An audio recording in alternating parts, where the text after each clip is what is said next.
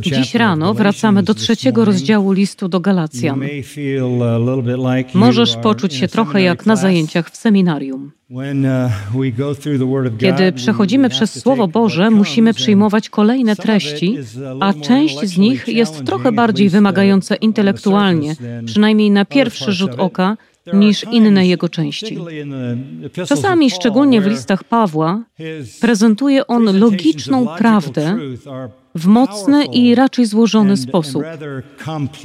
I to jest jeden z takich przypadków.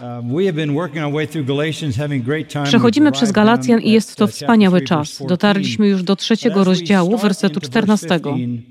Teraz zaczynamy od wersetu 15 i jest to jeden z trudniejszych fragmentów tej księgi. Będzie wymagać Waszej uwagi. Jeśli zabłądzisz tu czy tam, może być Ci ciężko powrócić. Dlatego, aby zachęcić, powiem, że na końcu, kiedy przejdziemy przez to, co mówi Paweł, korzyści ze zrozumienia staną się jasne. Ale pozwólcie, że naświetlę Wam częściowo tło. Chrześcijańska Ewangelia głosi, że wszyscy grzeszą. Każdy łamie Boże prawo, każdy człowiek w historii, z wyjątkiem osoby Chrystusa. I dlatego wszyscy jesteśmy pod Bożym sądem. Jesteśmy przeklęci przez Boga, jesteśmy na naszej drodze do wiecznego piekła.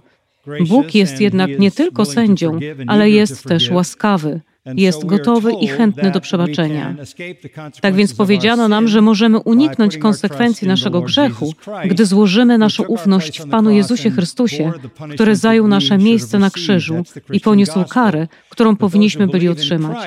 To jest chrześcijańska Ewangelia, że dla tych, którzy uwierzyli w Chrystusa, ich grzechy są zakryte, ponieważ Chrystus zapłacił za nie w pełni, do takiego stopnia, że sprawiedliwość Boga została zaspokojona, została przebłagana.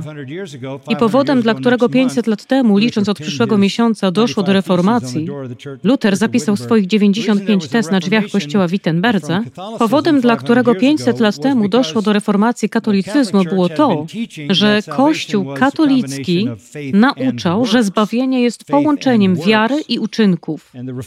Wiary i uczynków. Reformatorzy rozumieli, że Biblia mówi, sprawiedliwy będzie żył tylko z wiary. To kwestia wiary. To jest z łaski, a nie według uczynków. I z tego powodu doszło do reformacji protestanckiej. A protestancka to tylko forma słowa protest, zaś protest był przeciwko wykrzywionej doktrynie zbawienia, która łączyła wiarę i uczynki, a przez to zaprzeczała prawdziwej Ewangelii tylko z wiary. Więc już Paweł mierzył się z atakiem w tej sprawie. To najwcześniejszy z jego listów. Niedługo po rozpoczęciu służby apostolskiej udał się do regionu na obszarze śródziemnomorskim, gdzie głosił w wielu miastach i w tym regionie, zwanym Galacją, zostały założone kościoły.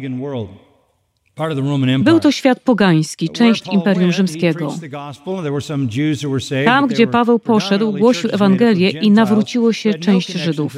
Ale te kościoły składały się głównie z pogan, którzy nie mieli żadnego związku z prawem Mojżesza. Nie byli w nim wychowani, ani o nim nie wiedzieli. Wszystko, o czym słyszeli, to Ewangelia Jezusa Chrystusa i zostali zbawieni, a kościoły zostały założone. Niedługo po tym do Galacji przybyli pewni Żydzi z Jerozolimy.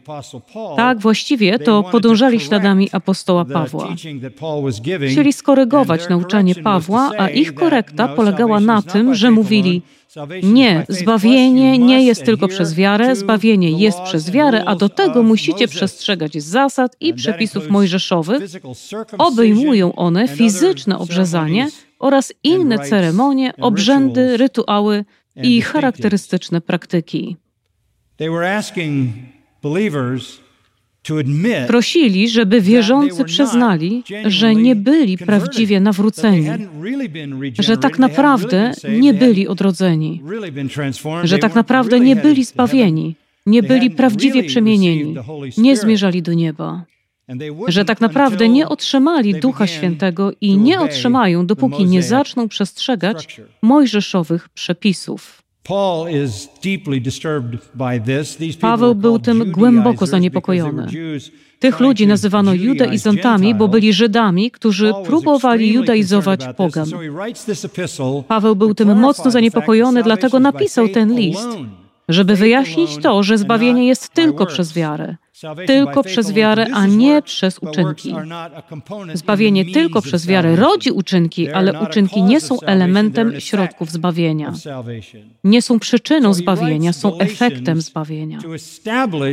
Napisał więc list do Galacjan, żeby dowieść Ewangelii łaski przez wiarę w Jezusa Chrystusa, i tylko przez wiarę. Żeby to zrobić, musiał ustanowić swój apostolski autorytet, bo nie było Nowego Testamentu. Więc musieli wierzyć. Musieli wierzyć właściwym ludziom, bo cały Nowy Testament nie został jeszcze spisany.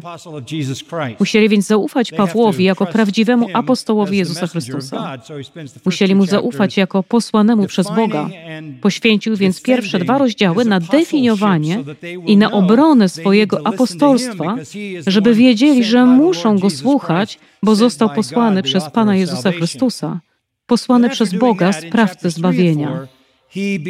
Następnie w trzecim i czwartym rozdziale przedstawił swój argument za zbawieniem tylko przez wiarę i w pierwszych pięciu wersetach przypominał im o ich własnym doświadczeniu.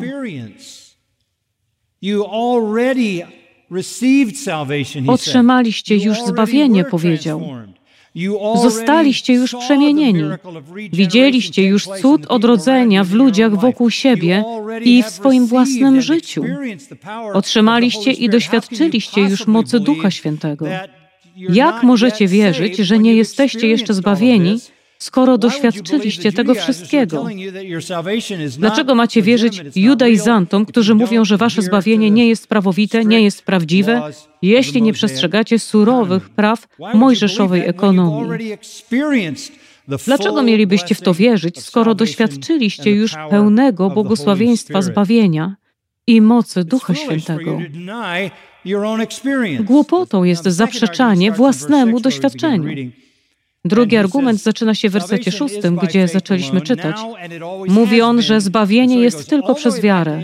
Jest tak teraz i było tak zawsze. Paweł cofnął się więc aż do Abrahama, żeby użyć go jako przykładu i napisał w wersecie szóstym: Tak Abraham uwierzył Bogu i poczytano mu to ku usprawiedliwieniu. To Księga Rodzaju 15:6. Już we wczesnych rozdziałach Księgi Rodzaju Bóg mówi: Ponieważ Abraham uwierzył mi, zostało mu to poczytane ku usprawiedliwieniu. Oznacza to, że kiedy ktoś wierzy, Bóg przypisuje mu sprawiedliwość. Nie można na nią zasłużyć. Bóg daje ją jako dar łaski temu, kto w niego wierzy. Więc w przypadku Abrahama zbawienie było przez wiarę. Został usprawiedliwiony z wiary. Co więcej, nie został usprawiedliwiony z powodu przestrzegania prawa, bo jak napisano w wersecie 17, prawo przyszło 430 lat po Abrahamie. Prawo przyszło 430 lat po Abrahamie. Więc Abraham nigdy nie mógł mieć jako elementu swojego usprawiedliwienia, swojego zbawienia, bycia prawym przed Bogiem, jakiegokolwiek przestrzegania przestrzegania prawa, prawa mojżeszowego, obrzezania, szabatu czy obrzędów. A oni mówili przede wszystkim o zewnętrznych elementach, o ceremonialnych aspektach prawa, a nie o jego moralnej stronie. To nie mogło być prawdą o Abrahamie lub o kimkolwiek w czasach Abrahama lub o kimkolwiek przed Abrahamem w czasach Abrahama i aż do Mojżesza, ponieważ nie było prawa. Żyd czy poganin, kiedy cofniemy się aż do Abrahama, są zbawieni tylko przez wiarę. I ta wiara przynosi skutek, ponieważ Pan Jezus Chrystus bierze na siebie przekleństwo wszystkich wierzących. Od Abrahama aż do ostatniego wierzącego, zanim nastaną nowe niebo i nowa ziemia. Jego śmierć zakrywa wszystkie grzechy wszystkich wierzących w całej historii odkupienia. Żydzi będą jednak używali pewnego argumentu i Paweł zna ten argument. Oto, co musisz rozumieć, żeby zrozumieć ten fragment, a kiedy to zrozumiesz, będziesz wiedział, dokąd zmierzamy. Paweł przewidywał, jaki argument usłyszy. Robi to bardzo często, widać to w całym liście do Rzymian. Podobnie jest tutaj. On wie, że Żydzi, którzy domagają się przestrzegania obrzezania i ceremonialnego prawa Mojżesza, on wie, jaki będzie ich tok myślenia wie, co powiedzą, i mamy to tutaj. Powiedzą. Bóg dał Abrahamowi i wszystkim ludziom, aż do Mojżesza, czyste zbawienie tylko przez wiarę. ponieważ nie było prawa. Więc początkowo plan zbawienia był tylko przez wiarę, bo Bóg nie dał jeszcze prawa. Powiedzieliby wtedy, że kiedy Bóg dał prawo, sposób zbawienia się zmienił. Żydzi przyznaliby, że to, co Bóg powiedział Abrahamowi w Księdze Rodzaju 12, kiedy po raz pierwszy dał Abrahamowi swoją obietnicę i przymierze, było tylko obietnicą ja uczynię, ja uczynię, ja uczynię, ja uczynię, pobłogosławię Cię, pobłogosławię narody przez Ciebie. Samo błogosławieństwo i powtarzał to raz za razem zarówno Abrahamowi, jak i jego potomkom. Rozumieją więc, że w tym przymierzu Bóg złożył Abrahamowi obietnicę. Mówimy więc, że przymierze Abrahama jest przymierzem obietnicy. To przymierze obietnicy. W tym pierwotnym przymierzu nie ma żadnych warunków. Ja uczynię, ja uczynię, ja uczynię, ja uczynię. Jest to przymierze jednostronne. I nawet kiedy Bóg zatwierdził to przymierze z Abrahamem, Położył Abrahama do snu, ponieważ to nie jest dwustronne przymierze. On go uśpił, a zanim zasnął, nakazał mu rozciąć gromadkę zwierząt, położyć je na ziemi, a Bóg, jako głęboka ciemność, przeszedł między zwierzętami. Tak zawierało się przymierze. Kiedy zawierałeś przymierze, zabijałeś zwierzęta, dzieliłeś na pół i przechodziłeś środkiem, pieczętując swoje zobowiązanie krwią. Ale nie było to przymierze między Bogiem a Abrahamem. Bóg uśpił Abrahama. Było to jednostronne przymierze z samym Bogiem. Będę Ci błogosławił, a przez Ciebie i przez Twoje nasienie Mesjasza będę błogosławił światu. To jest przymierze obietnicy. Powiedzą zatem, a jednak kiedy pojawiło się prawo, plan się zmienił i teraz Boże prawo jest nową drogą zbawienia.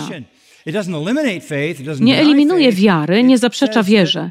Głosi, że jest to wiara plus posłuszeństwo prawu mojżeszowemu.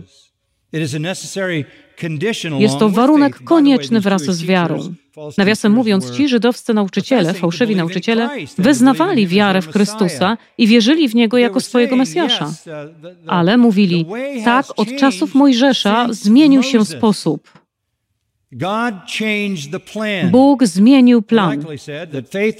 Prawdopodobnie mówili, że wiara została unieważniona przez prawo, że wiara została zastąpiona przez prawo, także teraz nową drogą są wiara i posłuszeństwo, wiara i uczynki, wiara i przestrzeganie prawa. I zapytaliby, dlaczego więc Bóg dał prawo, jeśli nie jest to prawdą. I wiemy, że jest takie pytanie. Spójrzmy na werset 19. Paweł przedstawia to jako pytanie. Czymże więc jest zakon? Jaki jest jego sens? Jeśli wcześniej Abraham uwierzył i zostało mu to poczytane za sprawiedliwość, i inni ludzie przed prawem uwierzyli i zostało im to poczytane za sprawiedliwość, jaki jest sens prawa, chyba że prawo jest nowym elementem Bożych wymagań do zbawienia? Paweł odpowiada na to w dalszej części rozdziału trzeciego. um, Ale spokojnie, nie będziemy się tym dziś zajmować. To skomplikowane i niezwykle bogate. um, Spróbuję zrobić coś, co mam nadzieję Wam pomoże. Spróbuję dać Wam szeroką perspektywę tego poranka, a potem w tych kolejnych tygodniach zanurzymy się głębiej. Ale na razie chcę dać Wam tylko szeroką perspektywę. Zacznijmy od tego. Wiemy, że zbawienie było przez wiarę w czasie Abrahama. Ale wiemy również, że było przez wiarę jeszcze po Abrahamie. Przejdźmy do wersetu 11, rozdziału 3. A że przez zakon nikt nie zostaje usprawiedliwiony przed Bogiem, to rzecz oczywista, bo sprawiedliwy z wiary żyć będzie. Jest to wzięte z proroka Habakuka, który żył setki lat po powstaniu prawa. Mamy więc Habakuka, który jest już po prawie. Habakuka, rozdział drugi, werset czwarty. Sprawiedliwy z wiary żyć będzie. Sprawiedliwy z wiary żyć będzie. Więc zarówno przed Mojżeszem, jak i po Mojżeszu sprawiedliwi żyją przez wiarę. Mówimy o Mojżeszu w związku z prawem, bo to jemu Bóg przekazał prawo. Prawo nie zmieniło niczego. nie zmieniło niczego. Prorocy wciąż mówili: Sprawiedliwy z wiary żyć będzie. Bóg ustanowił prawo i nie ustanawiał tego prawa z niechęcią. Kiedy Bóg nadał prawo, urządził przy tym pewien pokaz. Zrobił z tego widowisko. Ukazał swój majestat. Użył do tego grzmotów, błyskawic, trzęsienia ziemi, dźwięku trąb, ciemności, wichru i płomieni ognia na górze Synaj. Była to ogromna demonstracja powagi Boga wobec prawa. Powiedział ludziom: Nie podchodźcie, jeśli dotkniecie góry, zginiecie. Bóg ustanowił prawo na kolejne 1500 lat, aż do Chrystusa. Dlaczego? Dlaczego, jeśli zbawienie było już przez wiarę, to dlaczego Bóg wprowadził prawo? Odpowiada na to dość jasno. Spójrzmy na werset 19. Zostało dodane z powodu przestępstw. Przejdźmy do wersetu 23. Byliśmy wspólnie zamknięci i trzymani pod strażą zakonu. Werset 24. Zakon był naszym przewodnikiem do Chrystusa, abyśmy z wiary zostali usprawiedliwieni. Poznajemy tutaj cel prawa. Celem prawa było to, że zostało dodane z powodu przestępstw. Jego celem było wyraźne ukazanie grzechu. Wyraźne ukazanie grzechu. I nie tylko ukazanie grzechu, ale też wykazanie winy. A potem skierowanie ludzi w opamiętaniu do Boga, żeby z wiarą wołali o usprawiedliwiającą łaskę.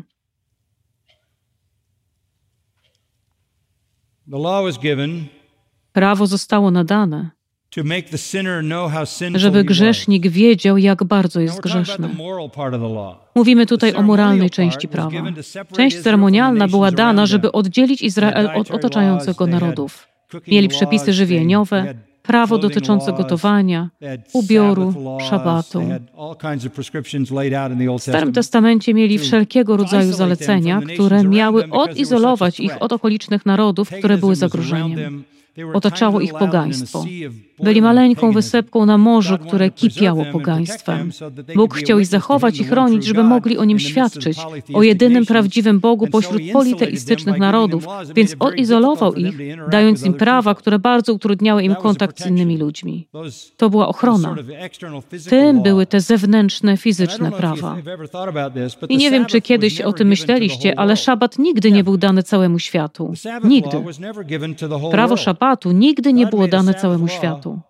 Bóg ustanowił prawo szabatu tylko dla Izraela. Powiedział: Ja jestem Bogiem Izraela i oznajmiam, że Izrael ma przestrzegać mojego szabatu. On nawet nie dał całemu światu przymierza Abrahamowego. On dał je Abrahamowi i jego potomkom. I zawęził tych potomków do patriarchów. On nie dał pisma światu. On dał je Izraelowi. Bóg miał więc naród świadków wśród pogańskiego świata i oddzielił ich przez swego rodzaju zewnętrzne zasady i obrzędy, których musieli przestrzegać. Nakazał im też skupić się na wszelkiego rodzaju ograniczeniach w szabat, żeby skupiali się na nim i oddawali mu cześć. Abraham otrzymał obietnicę, ale ta obietnica nie była jasna w jednej kwestii. Obietnica nie była jasna w kwestii grzechu. Brakowało jej tylko jasności w kwestii grzechu. W obietnicy danej Abrahamowi nie ma nic na temat grzechu, poza tym, że każdy, kto przeklina Izrael, będzie przeklęty. Nie było więc prawdziwej definicji grzechu, co może być, gdy zadajesz to pytanie, odpowiedzią na to, dlaczego w Starym Testamencie mamy tak wielu grzesznych ludzi, którzy są Bożym ludem. Dlaczego mamy tam poligamię? czy dlaczego mamy inne niemoralne zachowania. Pamiętajmy jednak, że w czasach przed Mojżeszem nie było tak jasnej definicji grzechu. Ale w wersecie 19 czytamy, że prawo zostało nadane 430 lat po Abrahamie, żeby przestępstwa były bezsprzecznie jasne. Po drugie, w tej naszej wiedzy o grzechu i świadomości winy, prawo wskazuje nam na Chrystusa. Jak to robi? Cały system ofiarny w prawie wskazuje nam na ostateczną ofiarę, na ostateczne przebłaganie w baranku Bożym. Więc przymierze Abrahamowe jest fundamentalne. Prawo weszło w życie 430 lat później. Chcę, żebyście pomyśleli teraz o trzech kwestiach w odniesieniu do prawa. Po pierwsze, w przeszłości prawo było dodatkiem. Prawo było dodatkiem. W żaden sposób prawo mojżeszowe nie anulowało przymierza z Abrahamem. Spójrzmy na werset 15. Paweł mówi: Przytoczę przykład ze stosunków ludzkich. Nawet uprawomocnionego testamentu jakiegoś człowieka nikt nie obala ani do niego nic nie dodaje. Jeśli zawierasz z kimś przymierze, to ono obowiązuje, nie zmieniasz go. I dalej mówi w wersecie 16, gdzie stosuje tę zasadę, otóż obietnice dane były Abrahamowi i potomkowi jego. Pismo nie mówi i potomkom jako o wielu, lecz jako o jednym i potomkowi Twemu, a tym jest Chrystus. Powiadam więc to, testamentu uprzednio przez Boga uprawomocnionego nie unieważnia zakon, który został nadany 430 lat później, tak, żeby obietnica była unicestwiona. Przymierze mojżeszowe nie unieważnia przymierza Abrahamowego. Więc przymierze Abrahamowe, przymierze obietnicy, zbawienie przez wiarę, nie jest unieważnione przez prawo. Prawo jest tylko dodatkiem. A do czego ma służyć? Zostało nadane, żeby wyraźnie ukazać nasz grzech i naszą winę oraz przyprowadzić nas do odkupiciela. Czy Żydzi myśleli, że potrzebują odkupiciela? Czy rozumiecie, że oni nieustannie zabijali miliony baranków i kóz, że robili to przez całą swoją historię, począwszy od Mojżesza, bo Bóg powiedział, Ktoś musi umrzeć, a ja zaakceptuję tymczasowe zastępstwo. I to wszystko wskazywało na Chrystusa. Zatem tym, co zrobiło starotestamentowe prawo ceremonialne, było odizolowanie Izraela. Starotestamentowe prawo ofiarne wskazywało im na odkupiciela, a starotestamentowe prawo moralne ukazywało naturę Boga, która była niezmienna. Zatem przymierze Abrahamowe jest fundamentalne i nie zmienia tego prawo. Przez 500 lat od Abrahama do Mojżesza było niewiele informacji czy objawień na temat opamiętania. Ale kiedy pojawiło się prawo, przyszło razem z mocą i siłą opamiętania. Można powiedzieć, że przez 2000 lat Bóg ugruntował wiarę prowadzącą do Mesjasza, a przez 1500 z tych lat ugruntował opamiętanie. Ten dodatek był konieczny. To było konieczne z całą swoją ponurością i powagą,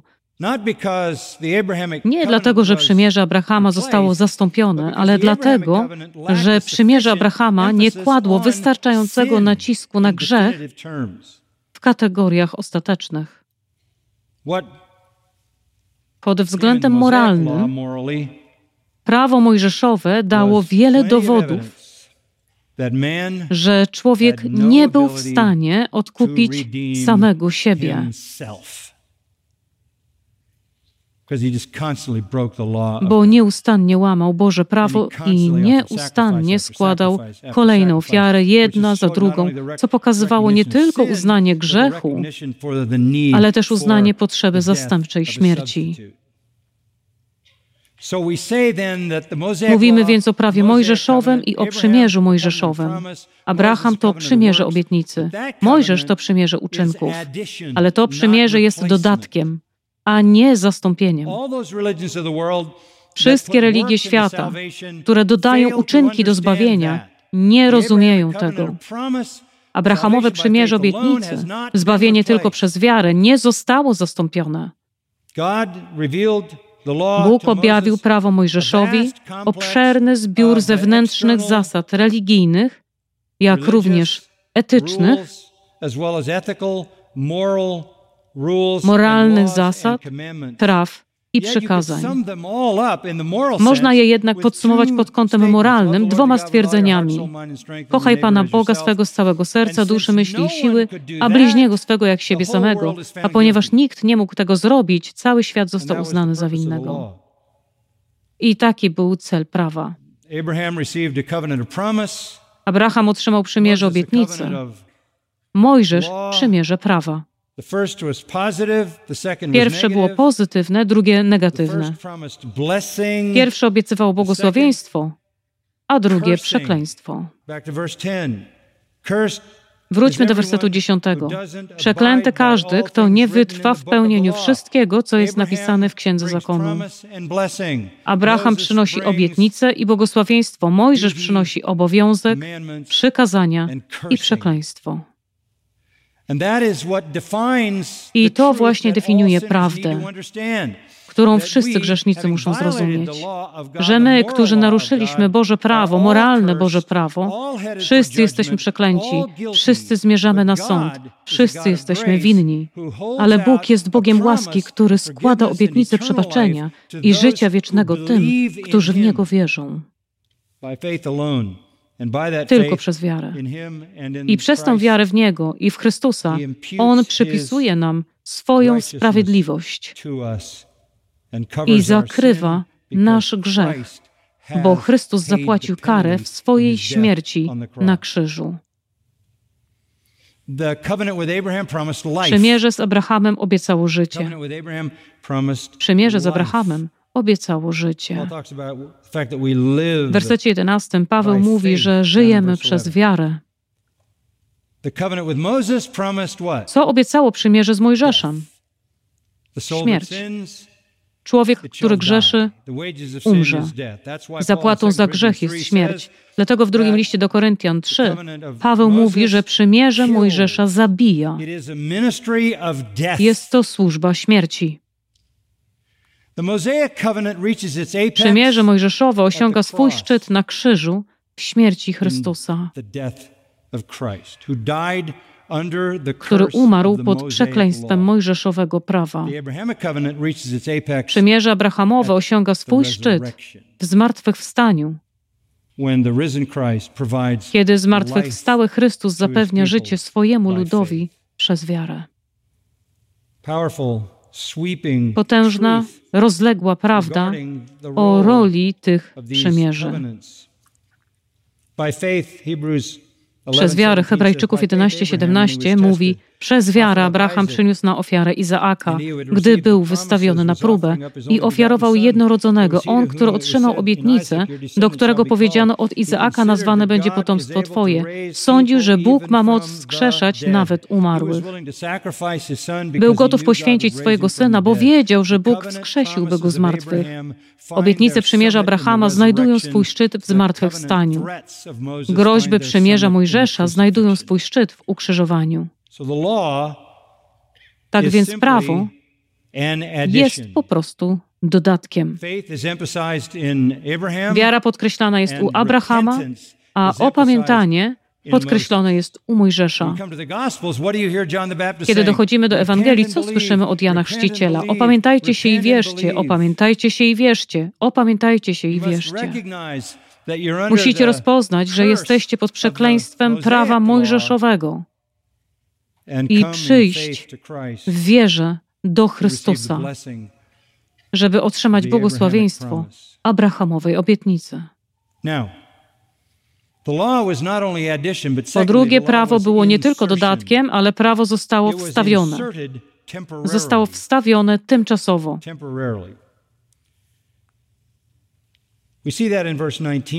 Widzimy to w wersecie 19. Zakon został dodany z powodu przestępstw. Został on dany przez aniołów do rąk pośrednika. Zajmiemy się tym szerzej. Ale prawo zostało dostarczone przez aniołów, kiedy wstąpiło na górę Synaj. Chciałbym jednak, żebyście zwrócili uwagę na koniec tego wersetu, aż do przyjścia potomka, którego dotyczy obietnica. Kiedy Bóg złożył obietnicę Abrahamowi i jego potomstwu, mówił o Chrystusie. Nie tylko o potomku Abrahama, ale o ostatecznym i końcowym nasieniu Chrystusie. Mówi o tym w wersecie 16. Więc kiedy przyszedł Chrystus, kiedy przyszedł Chrystus, prawo spełniło swoje wielkie przeznaczenie. Prawo zostało ustanowione aż do przyjścia nasienia. Zostało wstawione, co znaczy, że było tymczasowe. Miało swoje miejsce, miało swoją rolę. Aż oznacza prawo w jego mojżeszowej formie i mówię o zewnętrznych elementach prawa, a nie o moralnym charakterze Boga, który też jest objawiony w prawie, bo jest on wieczny. Ale unikalne zalecenia i cechy prawa mojżeszowego obowiązywały tylko do Chrystusa. A kiedy Chrystus przyszedł, Paweł mówi: Niechże was wtedy nikt nie sądzi z powodu święta lub nowiu księżyca, bądź sabatu, nie dotykaj, nie kosztuj, żadnych reguł. Pan powiedział Piotrowi: Wstań, Piotrze, zabijaj i jedz, co znaczy, że wszystkie przepisy żywieniowe zostały zniesione. Powiedział: Co za różnica, czy jesteś obrzezany, czy nie obrzezany? To nie ma znaczenia. Obrzezanie jest niczym. Kiedy nadchodzi rzeczywistość, czyli Chrystus, cała ta powierzchowność zniknie. Tak więc prawo było wstawione na pewien czas i wskazywało na Chrystusa. Jego celem jest spełnienie w nim. A co powiedział w Ewangelii Mateusza 5, kiedy przyszedł? Powiedział: Nie przyszedłem rozwiązać prawa, nie przyszedłem znieść prawa, przyszedłem, by co? Wypełnić prawo. Ani jedna jota, ani jedna kreska nie przeminie z zakonu, aż wszystko to się stanie. Muszę wypełnić wszelką sprawiedliwość. Przyszedł i doskonale wypełnił prawo. Dlatego Rzymian 10:4 mówi: Albowiem końcem zakonu jest Chrystus. Albowiem końcem zakonu jest Chrystus, aby był usprawiedliwiony każdy, kto wierzy.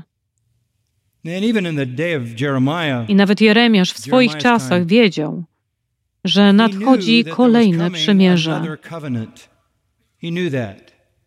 On to wiedział. Duch Boży objawił to nowe przymierze Jeremiaszowi a najjaśniej ukazane jest to w 31 rozdziale Księgi Jeremiasza. Posłuchajcie tych słów. Oto idą dni, werset 31, mówi Pan, że zawrę z domem izraelskim nowe przymierze.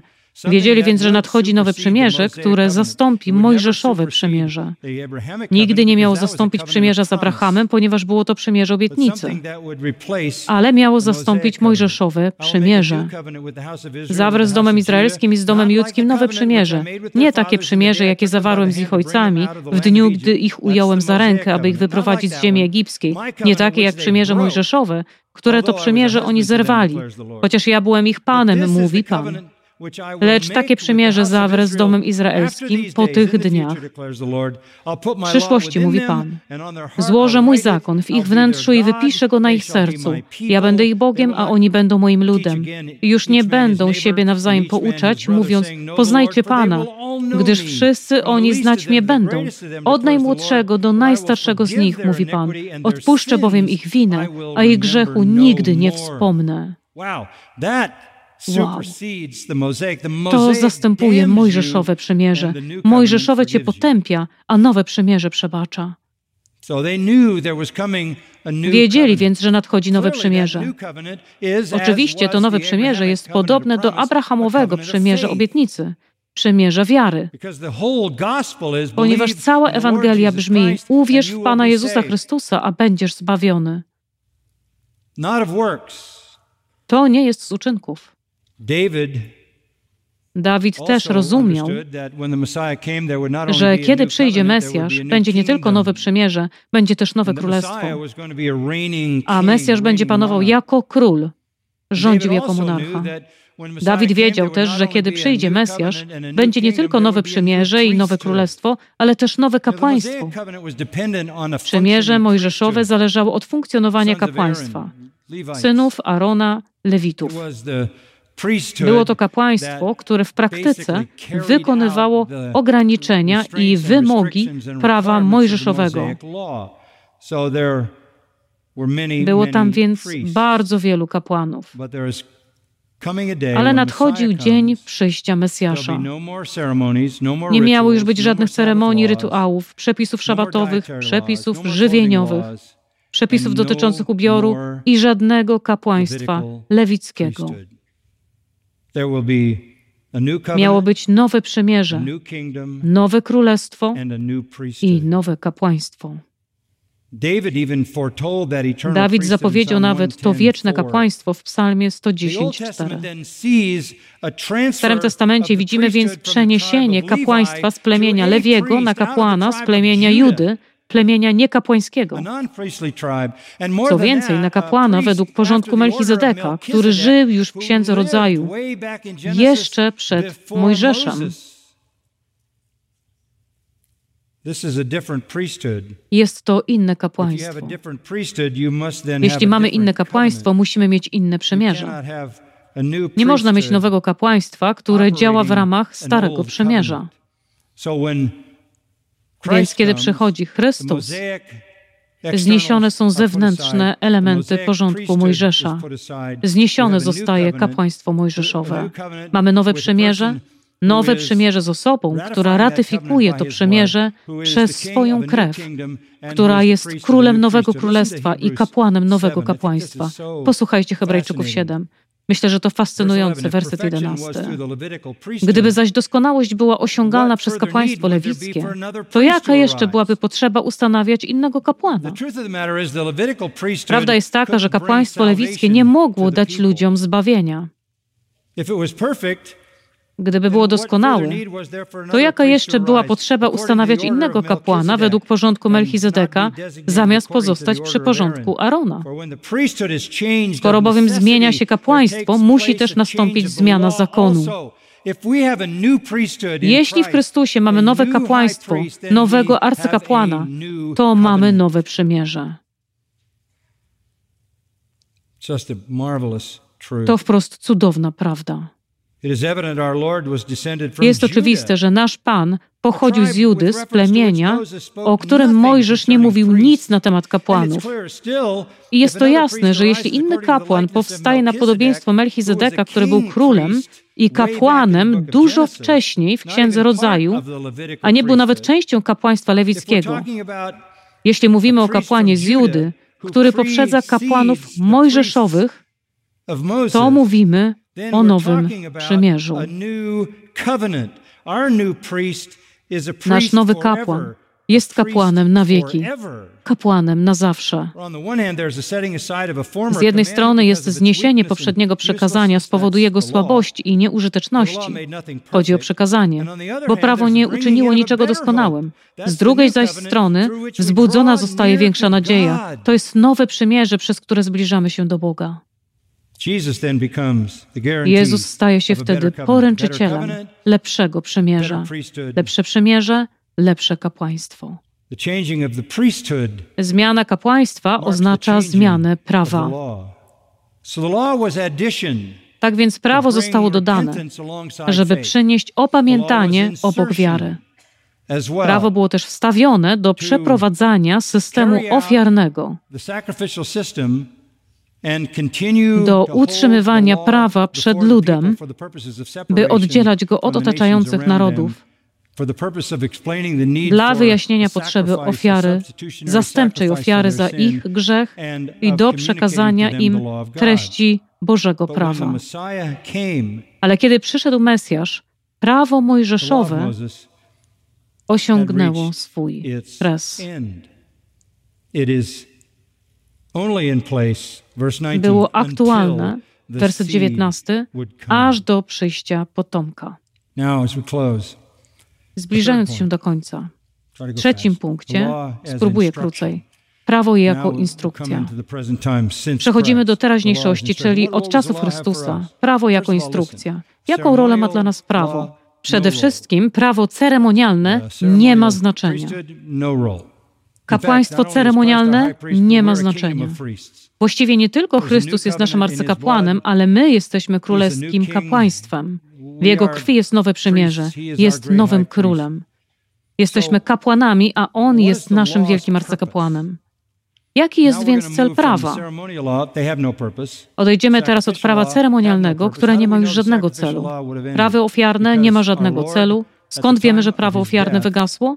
Ponieważ nasz Pan w czasie swojej śmierci rozdarł zasłonę świątyni od góry do dołu i położył kres kapłaństwu oraz całemu systemowi świątynnemu. A miejsce na świętsze zostało otwarte by każdy miał do niego swobodny dostęp. Więc jaki jest um, teraz cel prawa? Miało swój cel w Starym Testamencie. Było ogrodzeniem, które oddzielało Izrael od okolicznych narodów. Było uzdą, która powstrzymywała ich grzech. Było barierą, która zapobiegała wkraczaniu na przestępczą drogę. Było zwierciadłem. Wszystko to są biblijne obrazy, które pokazało im ich grzech i winę. Ale jego głównym celem w tym wszystkim było wzbudzenie w ich sercach pragnienia odkupiciela. Jego głównym zadaniem było ukazanie całkowitej grzeszności człowieka jego rozpaczliwej potrzeby odkupiciela, żeby wskazać im Chrystusa. Prawo jest pedagogiem, który prowadzi nas do Chrystusa. Uczy nas, że jesteśmy grzeszni. Uczy nas, że jesteśmy nieposłusznymi, zdeprawowanymi przestępcami. Uczy nas, że jesteśmy przeklęci. Uświadamia nam naszą głęboką winę.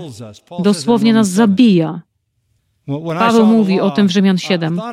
Gdy ujrzałem prawo, myślałem, że żyję. Zanim ujrzałem prawdziwe Boże prawo. Kiedy zobaczyłem, czym naprawdę było prawdziwym, moralnym prawem Boga, to mnie zabiło. Umarłem. Prawo rodzi winę. Dobrze rozumiemy to. Więc prawo rodzi winę i prawo skłania nas do wołania w opamiętaniu: Boże, bądź miłosierny dla mnie, grzesznika, i przebacz mi.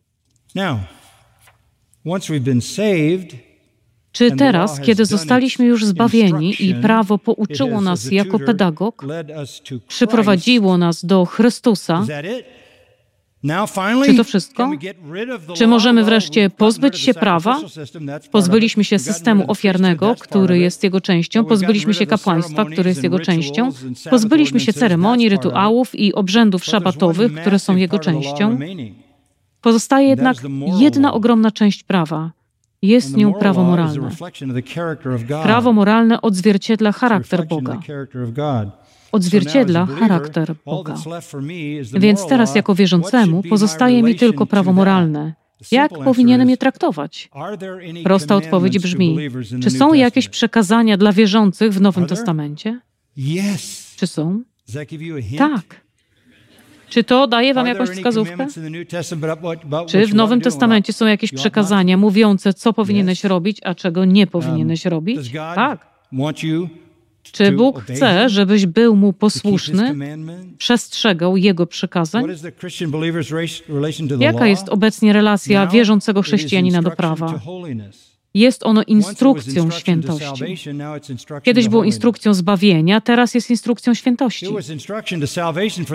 Było instrukcją zbawienia dla Żydów, nawet w swoim systemie ofiarnym. Było instrukcją zbawienia dla pogan, w tym, że ujawniało straszliwy charakter naszego grzechu. Poddało nas pod przekleństwo i musieliśmy gdzieś uciec, żeby znaleźć odkupiciela, który nas wybawi. A jedynie Chrystus jest tym odkupicielem. Ale niektórzy mówią, prawo przywiodło nas do Chrystusa, więc to już koniec. Dotarliśmy. Dotarliśmy. Więc teraz jesteśmy pod łaską i jesteśmy wolni w Chrystusie. Jest to stare i popularne kłamstwo, że ta no wolność oznacza brak obowiązku przestrzegania Bożego prawa moralnego. To bardzo popularne. Antynomianizm, libertynizm. Mówią, prawo jest wypełnione, prawo jest nieważne, nie jesteśmy pod prawem, jesteśmy pod łaską. um, Prawo nie odgrywa żadnej roli w życiu wierzącego chrześcijanina. Nawiasem mówiąc, to oszustwo ma bardzo wiele tytułów i nazw. Walczę z tym od dekad na kilkudziesięciu frontach. Ale zwolennicy mówią, posłuszeństwo Bożemu prawu moralnemu z obowiązku to grzech przeciwko łasce. To grzech przeciwko wolności, bo lekceważy wolność w Chrystusie. Posłuszeństwo Bogu z pragnienia posłuszeństwa lub nawet pragnienia błogosławieństwa czy nagrody. to legalizm. To grzech. Czy wyobrażacie sobie ludzi w takich kościołach, którzy słyszą, jeśli jestem posłuszny Panu z obowiązku lub z pragnienia bycia posłusznym, to grzeszę? To pułapka, z której nie można uciec. Jeśli nie jesteś posłuszny, grzeszysz. Jeśli jesteś posłuszny, grzeszysz. To część współczesnego antynomianizmu, który szerzy się nawet w ewangelikalizmie, czasami nazywany uświęceniem skoncentrowanym na krzyżu, bo chcę powiedzieć, że tylko wtedy, gdy jesteś porwany wielkimi emocjami związanymi z Jezusem krwawiącym lub umierającym na krzyżu i zrobisz coś dobrego, dopiero wtedy jest to dopuszczalne. Wszystko, co robi się z obowiązku, jest niedopuszczalne. Zastanawiam się, co Paweł miał na myśli, mówiąc, ale umartwiam ciało moje i ujarzmiam, bym przypadkiem, będąc zwiastunem dla innych, sam nie był odrzucony. Jaka jest więc rola prawa w życiu wierzącego? Jeden uh, błąd to legalizm. To przemycanie prawa do Ewangelii. Przemycanie prawa do Ewangelii. I Ewangelia jest zanieczyszczona prawem. To jest błędna odpowiedź judaizantów, że prawo jest konieczne do zbawienia. Innej odpowiedzi udzielają libertyni, mówiąc, że Ewangelia znosi prawo. Więc kiedy jesteś już zbawiony, zapomnij o prawie. Nie musisz przejmować się prawem. Tak na marginesie, zawsze, gdy przez lata słyszałem, jak ktoś tego naucza, po prostu cierpliwie czekałem, bo czas i prawda idą w parze, aż całe życie tej osoby implodowało lub eksplodowało w moralnej katastrofie. I tak się dzieje. Powiedzieć, że zbawienie wymaga prawa, to sprzeciwić się łasce.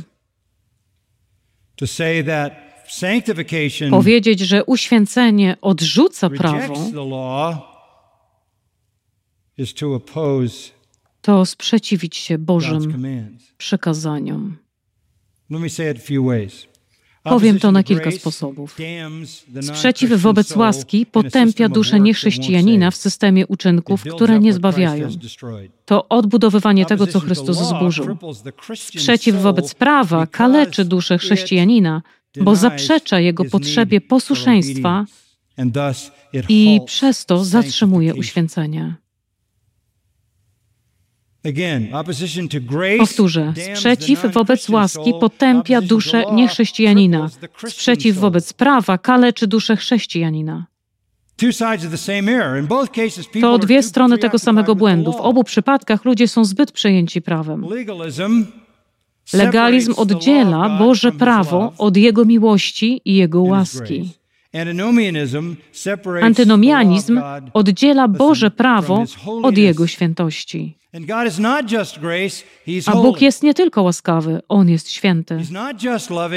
On nie tylko jest kochający, On jest sprawiedliwy. Niezależnie od tego, czy jesteś legalistą, czy libertynem, zdefiniowałeś swoje chrześcijańskie doświadczenie przez prawo przez swój stosunek do prawa. Albo uważasz, że jest ono konieczne do zbawienia, albo jeśli uważasz, że nie jest konieczne do uświęcenia, definiujesz swoją relację z prawem.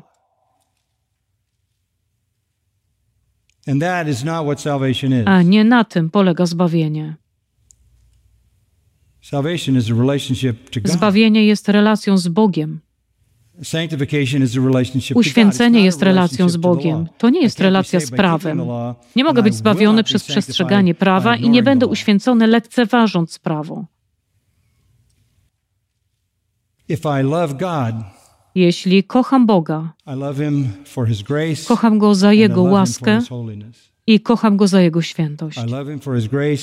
Kocham Go za Jego łaskę i kocham Go za Jego świętość. Pozbywamy się legalizmu, gdy widzimy prawdę o Bożej łasce i radujemy się za to Bogiem. Pozbywamy się antynomianizmu, gdy widzimy prawdę o Bożej świętości i radujemy się za to Bogiem. Kocham Boga za Jego łaskę, ale kocham Go też za Jego świętość. Kiedy Dawid powiedział, o jakże miłuje zakon Twój, miał właściwą perspektywę. Życie chrześcijańskie dotyczy relacji z Bogiem, a kochanie Boga oznacza kochanie Go za Jego łaskę i miłość oraz za Jego świętość i sprawiedliwość. Kochanie Boga to sposób, w jaki przeżywasz swoje życie. Kochasz Go i kochasz Go coraz bardziej. Kochasz Go z całego serca, duszy, myśli i siły i kochasz Go za to, kim jest. Pełen łaski i absolutnie święty.